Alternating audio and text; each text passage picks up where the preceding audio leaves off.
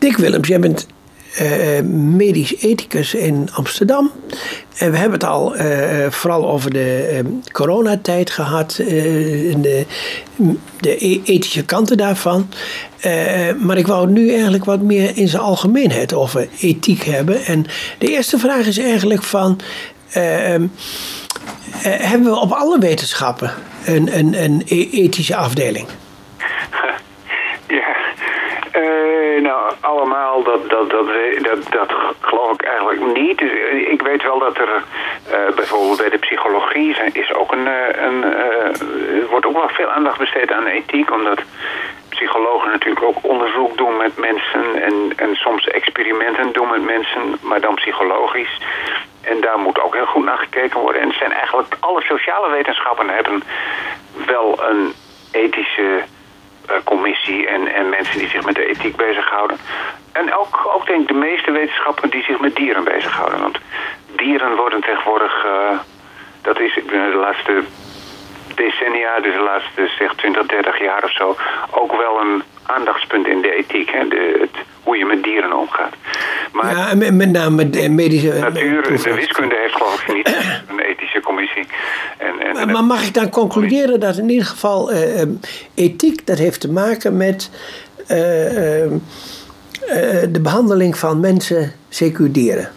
Ja, dat, daar, daar komen de meeste ethische problemen voor. Er is natuurlijk ook wel een sector die heet de milieuethiek. En dus dan, dan heb je het over hoe je omgaat met het milieu, het leven, de, de, de wereld en hoe we de wereld zo goed mogelijk houden. Dat is ook wel een, een sector die wel in, in opkomst is natuurlijk. Hè. Dus zeker in verband met de klimaatverandering. Maar nu ook met de, met de corona-epidemie. Die heeft natuurlijk ook wel enigszins te maken met wat we allemaal doen aan reizen. En, uh, dus dat, ook dat heeft wel met de milieuethiek te maken. Ja. Dus, dus ja, nou is het zo dat... De wereld, Daar, daar gaat het eigenlijk om. Ja. Uh, de mens ja. heeft zichzelf in feite boven de andere levende wezens gezet. Ja, zeker. Zeker. Zeker. Maar daar zie je wel, langzamerhand is daar wel discussie over. Ik heb een een tijd geleden al een keer een, een, samen met, uh, met een uh, epidemioloog, dus een, een, een, een medisch onderzoeker uit Rotterdam, hebben wij een boekje gemaakt dat ging over de vraag of het menselijk gezondheidsbelang altijd boven dat van andere soorten moest gaan. En dat kwam eigenlijk omdat er, uh, dat de Gezondheidsraad toen net een advies had uitgebracht dat er veel meer vis gegeten moest worden.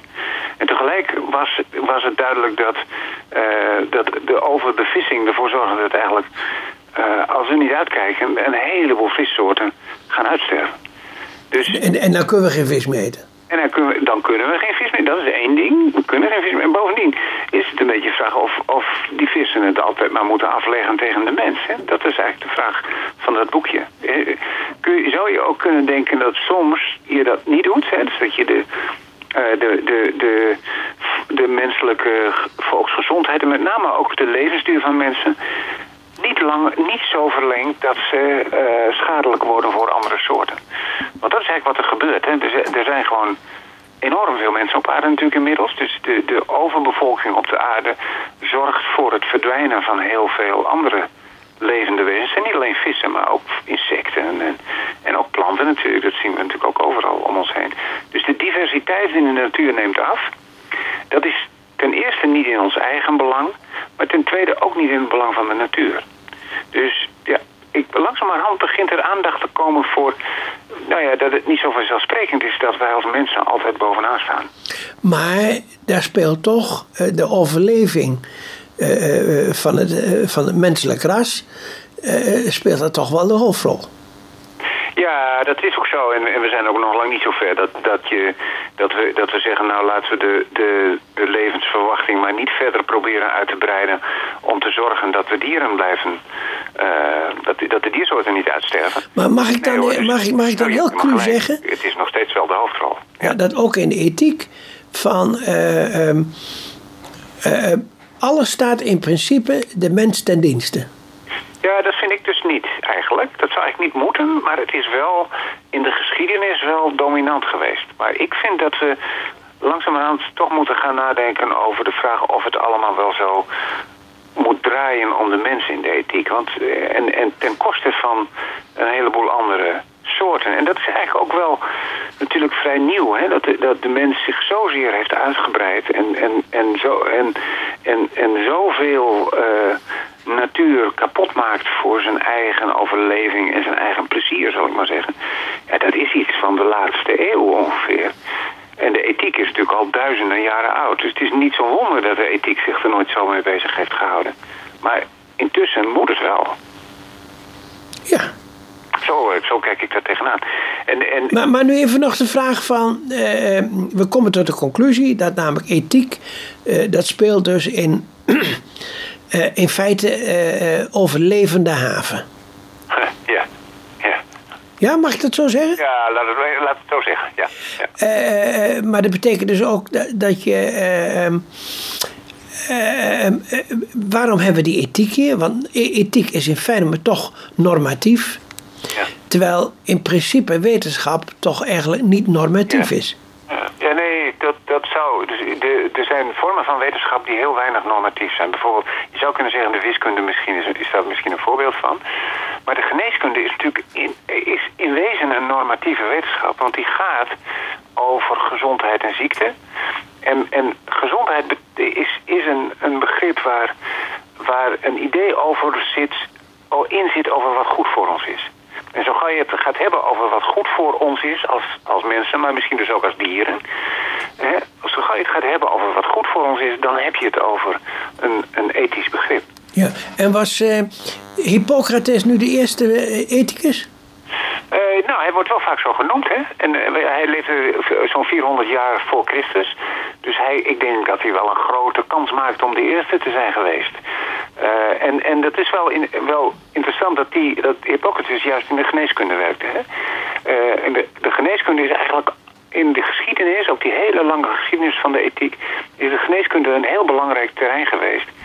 En, en dat komt, denk ik, vooral omdat uh, in de geneeskunde heb je te maken met dokters die dingen aan je lichaam doen, waardoor ze heel erg dichtbij komen. Dus het, gaat echt om het, de, het individuele nou ja, leven- en doodvragen en vragen over ziekte en geluk die heel erg dichtbij komen. En dokters kunnen zelfs, van, zelfs in de tijd van Hippocrates ook heel veel schade aanrichten. Ja, precies. En dat is ook de eerste wet in feite van Hippocrates. Ja. Ja. Gij mocht uw, uw cliënt geen schade berokkenen. Nee, geen schade berokkenen is ongeveer het het kern, de kern van de, uh, van de medische ethiek bij Hippocrates. En, en dat is wel, wel opvallend, want Hippocrates kon nog lang niet alle schade aanrichten die wij tegenwoordig kunnen aanrichten. Met, ook met allerlei medische handelingen. En, en een deel van die, van die, handelingen, die, die doe je met de beste bedoelingen. Maar ze kunnen ook heel erg schadelijk uitpakken. Ja. Dat is denk ik de, de basisreden waarom de ethiek vooral in de geneeskunde zo belangrijk is geworden. Omdat je zo dicht bij de mensen zit. Hè, dus je zit echt in hun hele persoonlijke leven en, en, en, en hun lichaam. En tegelijk weet je ook dat, je, dat de balans tussen goed doen en slecht doen heel dun is in de geneeskunde. Heel precies komt in de geneeskunde. Want de meeste medische behandelingen doen ook wel schade. Als je iemand opereert, dan, doe je, begin je eigenlijk met schade te doen, want je snijdt, je snijdt iets open. Uh, dus er is altijd een, een, een, balans tussen schade, tussen het goede doen en, en datgene wat je eigenlijk niet wil doen. Dus de schade. Ja, ja er wordt. Er wordt wel vaak gezegd van mensen is geneigd tot het kwade of geneigd tot het goede. Ik, ja. ik, ik denk wel eens van de mens is geneigd om te overleven en zal daarbij het goede, zowel het goede als het kwade daarvoor gebruiken. Uh, ja, dat is misschien zo. Ik ben zelf ietsje, ietsje uh, optimistischer. Ik geloof dat de meeste mensen wel geneigd zijn tot het goede. Uh, dat geloof ik ook. Ja, dus, en, ik, en dat zie je zelfs, er zijn allerlei voorbeelden. Eh, eh, eh, wat ik wel heel interessant vind is dat, dat is de, het onderzoek van, van de, de ethiek van de apen die het dichtst bij ons staan. Hè? Mhm. Dat heeft de Nederlandse bioloog Frans de Waal, heeft heel veel onderzoek gedaan daarna. Ah, prachtig toch, ja. Die vindt, die vindt dat apen ook geneigd zijn tot het goede binnen hun eigen groep. Niet buiten hun groep, maar binnen hun eigen groep. En ik denk dus dat mensen ook in wezen wel geneigd zijn tot het goede, maar ook wel tot het kwade. Dus ze neigen tot allebei. Ja, maar het, het, het is, wij als, als mens zijn wij de bovenliggende groep. En, en, wij kunnen elkaar dingen uitleggen, we kunnen praten. En daarom denken we namelijk dat wij ja, ethisch van meer belang zijn dan dieren of planten of wat dan ook. Hè? Ja, ja dat, er zijn veel mensen die dat denken, ja. ja, ja, ja. En dat, dat is een, denk ik op zichzelf, vind ik niet terecht. Uh, maar goed, het is natuurlijk wel zo dat wij erover kunnen nadenken. Dat zal wel een verschil zijn met die apen van Frans de Waal. Die, die handelen wel, uh, die doen wel het, het goede en die kunnen soms ook heel onbaatzuchtig zijn. Dus heel het goede voor anderen doen. Uh, maar die hebben daar niet, uh, die kunnen daar niet over redeneren. En die, die kunnen elkaar, die kunnen we dus ook niet over discussiëren en samen tot een oplossing komen van een probleem. En dat is een, een, een voorrecht van mensen, zal ik maar zeggen. Maar het maakt ze niet ja, dat is zeker. En, heel beter dan, dan, En ik vroeg me net nog even af van, uh, heeft Hippocrates dat nou allemaal kunnen voorzien? Die wegen die uiteindelijk in de medische wetenschap uh, gevolgd zijn? Nee, hij heeft natuurlijk niet kunnen voorzien dat we nu dat we tegenwoordig genen kunnen, uh, kunnen uh, veranderen. want hij wist helemaal niet dat hij had geen besef van genen, geen, geen begrip daarvan. Maar wat mij wel altijd opvalt is dat Hippocrates destijds al zei: doe vooral geen schade. Hij had kennelijk al wel door, ook al kon de dokter in die tijd nog heel erg weinig, hij had wel door dat, dat het belangrijkste wat dokters, waar je dokters voor moest waarschuwen was dat ze, dat ze schade konden doen. En, en wat dat betreft heeft hij, denk ik, toen ook al gezien wat, er, wat nu ook nog steeds geldt. Dat we, dat, dat misschien onze belangrijkste uh, plicht is. Ja. Uh, jij hebt toch filosofie gestudeerd? Ja. En er zijn filosofen die moeten niks van ethiek hebben. Ja, ja. Of die en, en, het, en, het, vak of zo, ja, dat komt voor. Ja, ja en er zijn de vragen van of ethiek eigenlijk wel bij de filosofie hoort me. Uh, ja, maar ja, die vraag hoor je niet zo heel vaak meer, gelukkig, vind ik. Want kijk, de wal keert ook wel een beetje het schip. Want uh, toen ik filosofie studeerde, had, moest ik eerlijk gezegd ook niet zoveel van de ethiek hebben. Maar dat kwam omdat destijds de ethiek nog heel erg opgeheven vingertje was. Daar hou ik echt absoluut niet van. Ik vind ethiek is heel belangrijk als je het met z'n allen doet. En met z'n allen probeert om oplossingen voor een, om een ingewikkeld ethisch probleem op te lossen. Dus dat was denk ik ook de reden waarom veel filosofen niet zoveel van de ethiek willen hebben. Het was, het was ook wel een beetje gekoppeld aan, laat ik maar zeggen, uh, uh, meer religieuze kanten van de moraal. En, en, weet je, dus, dus de opgeheven vinger was iets waar, waar heel veel mensen bezwaar tegen hadden. Maar inmiddels is het ook wel weer zo dat de ethiek eigenlijk de enige... Uh, of, of de enige, niet de enige, maar het is een belangrijke sector in de filosofie als je kijkt naar wat voor rol het speelt. Uh, is, is het misschien noodzakelijk dat de ethici zich ook met politiek gaan bemoeien? Dat doen ze ook al. Dat moet ook. Politiek is niks anders dan ethiek op de maatschappelijke schaal. En dus, dus politiek is ethiek. Maar ik hoor nooit uh, ethici praten over hoe politici handelen. En wat ze zouden nou, moeten doen. Dan, dan, dat gebeurt toch wel. En, en bovendien zijn ethici ook steeds meer betrokken bij de, bij de echt politieke afwegingen. Nou, de afweging waar we het de afgelopen keren over gehad hebben. Hè, dus over de, uh, de afweging over de, de schaarste, schaarste op de intensive cares. Ja, dat is in feite natuurlijk ook een politiek besluit. En daar bemoeien ethici zich wel degelijk mee.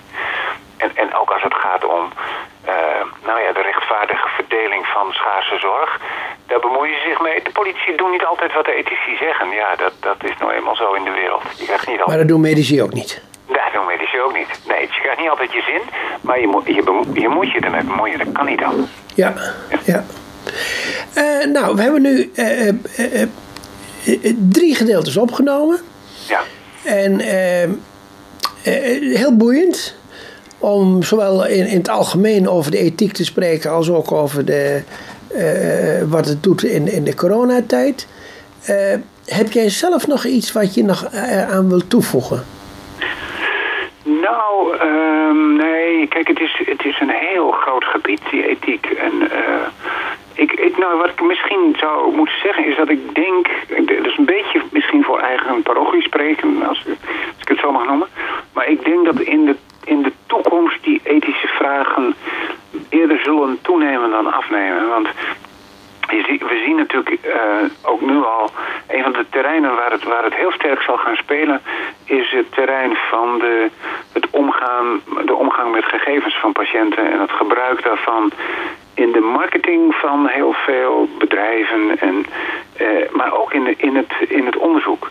En uh, dat is echt een heel nieuw terrein. En, en het heeft ook te maken met het gebied van de kunstmatige intelligentie en dat soort, dat soort terreinen. Waar de ethiek echt in de toekomst, denk ik, uh, eerder meer dan minder belangrijk zal worden. Ik, met ik, ik geloof dat het mooi, een mooi gedeelte is om daarmee af te sluiten. Nou, is prima. En mag ik jou heel hartelijk danken voor dit interview.